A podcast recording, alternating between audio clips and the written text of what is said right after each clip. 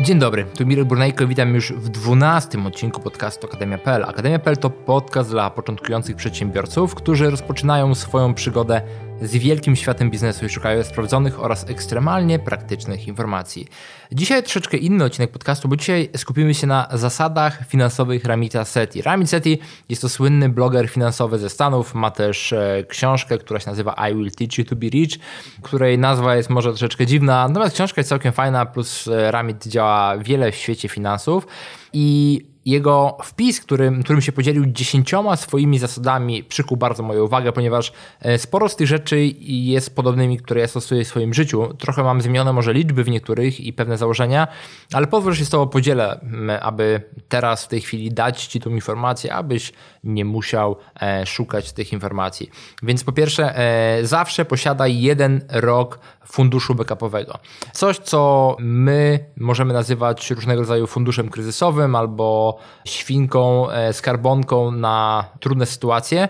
To, co zawsze rekomenduję, żeby od 3 do 6 miesięcy mieć takiego budżetu, jeżeli pracujemy w firmie.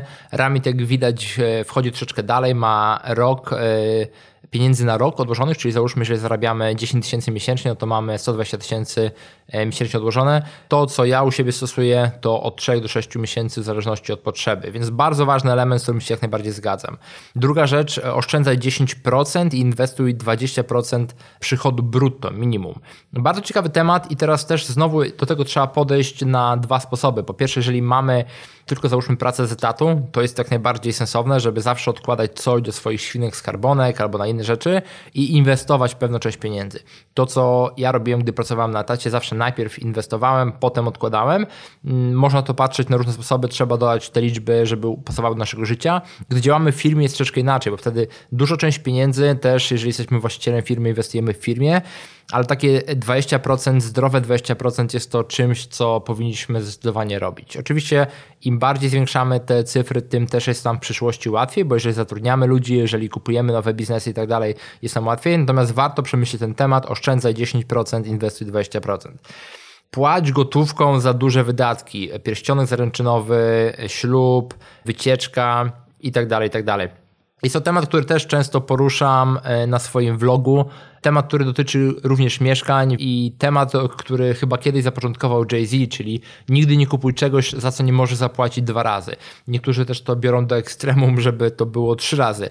O co ogólnie chodzi? Jeżeli nie mamy na naszym koncie 800 tysięcy złotych, nie kupujemy mieszkania za 400 tysięcy. Teraz jak te mieszkanie kupimy? Czy kupimy je kredytem, czy kupimy je w innej formie, nie ma znaczenia, ale taka zdrowa zasada jest taka, że dla naszego zdrowia mentalnego jeżeli chcemy coś kupić w celu konsumpcyjnym, czyli dom jest konsumpcją, samochód jest konsumpcją, mieszkanie jest konsumpcją, futro jest konsumpcją, jeżeli coś kosztuje X i nie mamy na naszym koncie dwa razy X albo trzy razy X, nie powinniśmy tego kupować, bo cała reszta to jest kupowanie na kredyt, a jedyna dobra forma, jak pewnie już wszyscy tutaj wiemy, działania kredytem, to jest działanie kredytem do inwestycji. Więc jeżeli inwestujemy w coś, wtedy jak najbardziej praca kredytem jest dobra, ale tu znowu też niektórzy mają pewne zasady. Ja mam taką zasadę, że nie kupuję nic na kredyt nawet, jeżeli bym brał kredyt, chociaż w tej chwili nie mam żadnego kredytu, jeżeli nie mam 100% tych pieniędzy na zakup czegoś e, obecnego. Więc znowu, w zależności od tego, gdy, gdzie mamy swoją granicę bólu, gdzie jesteśmy w stanie zaryzykować, tak powinniśmy też mieć ułożone swoje zasady. Rzecz numer czwarta, nigdy się nie zastanawiaj nad inwestowaniem pieniędzy w książki, przystawki, zdrowie oraz e, dotacje na fundusze dla swoich znajomych. E, jak najbardziej tak, e, jeżeli dopiero chyba w tym roku, w 2019 roku e, przeszła mi taka myśl, że zawsze chodziliśmy do restauracji. Oczywiście, jak nie mam tych pieniędzy, to jest od tego ten problem.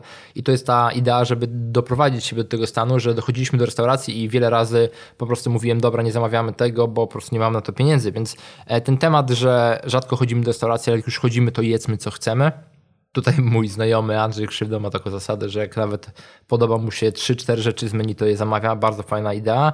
Książki, kursy online, konferencje. Ja mam przeznaczony budżet 20 tysięcy złotych zawsze na to, więc jeżeli coś nie przekracza 20 tysięcy złotych, coś co wpłynie na mój rozwój, jeżeli chodzi o moje firmy, moje działanie, to są pieniądze, które zawsze wydaję, bo już mi się to wiele razy zwróciło. Jeżeli inwestujemy w pewne informacje dotyczące zwiększenia sprzedaży, marketingu, to bardzo pomaga. Zdrowie, tutaj nie ma nawet zastanowienia. Też w rodzinie, jeżeli mamy jakąś kwestię związaną ze zdrowiem, nie ma żadnych ograniczeń finansowych. Wszyscy wiemy, że zdrowie nasze jest albo będzie numer jeden priorytetem, tylko nie wiadomo kiedy, więc lepiej później niż wcześniej. No i oczywiście dotacje na e, charity fundraising events dla naszych przyjaciół. I rzecz piąta, business class przy lotach powyżej 4 godzin, zdecydowanie tak.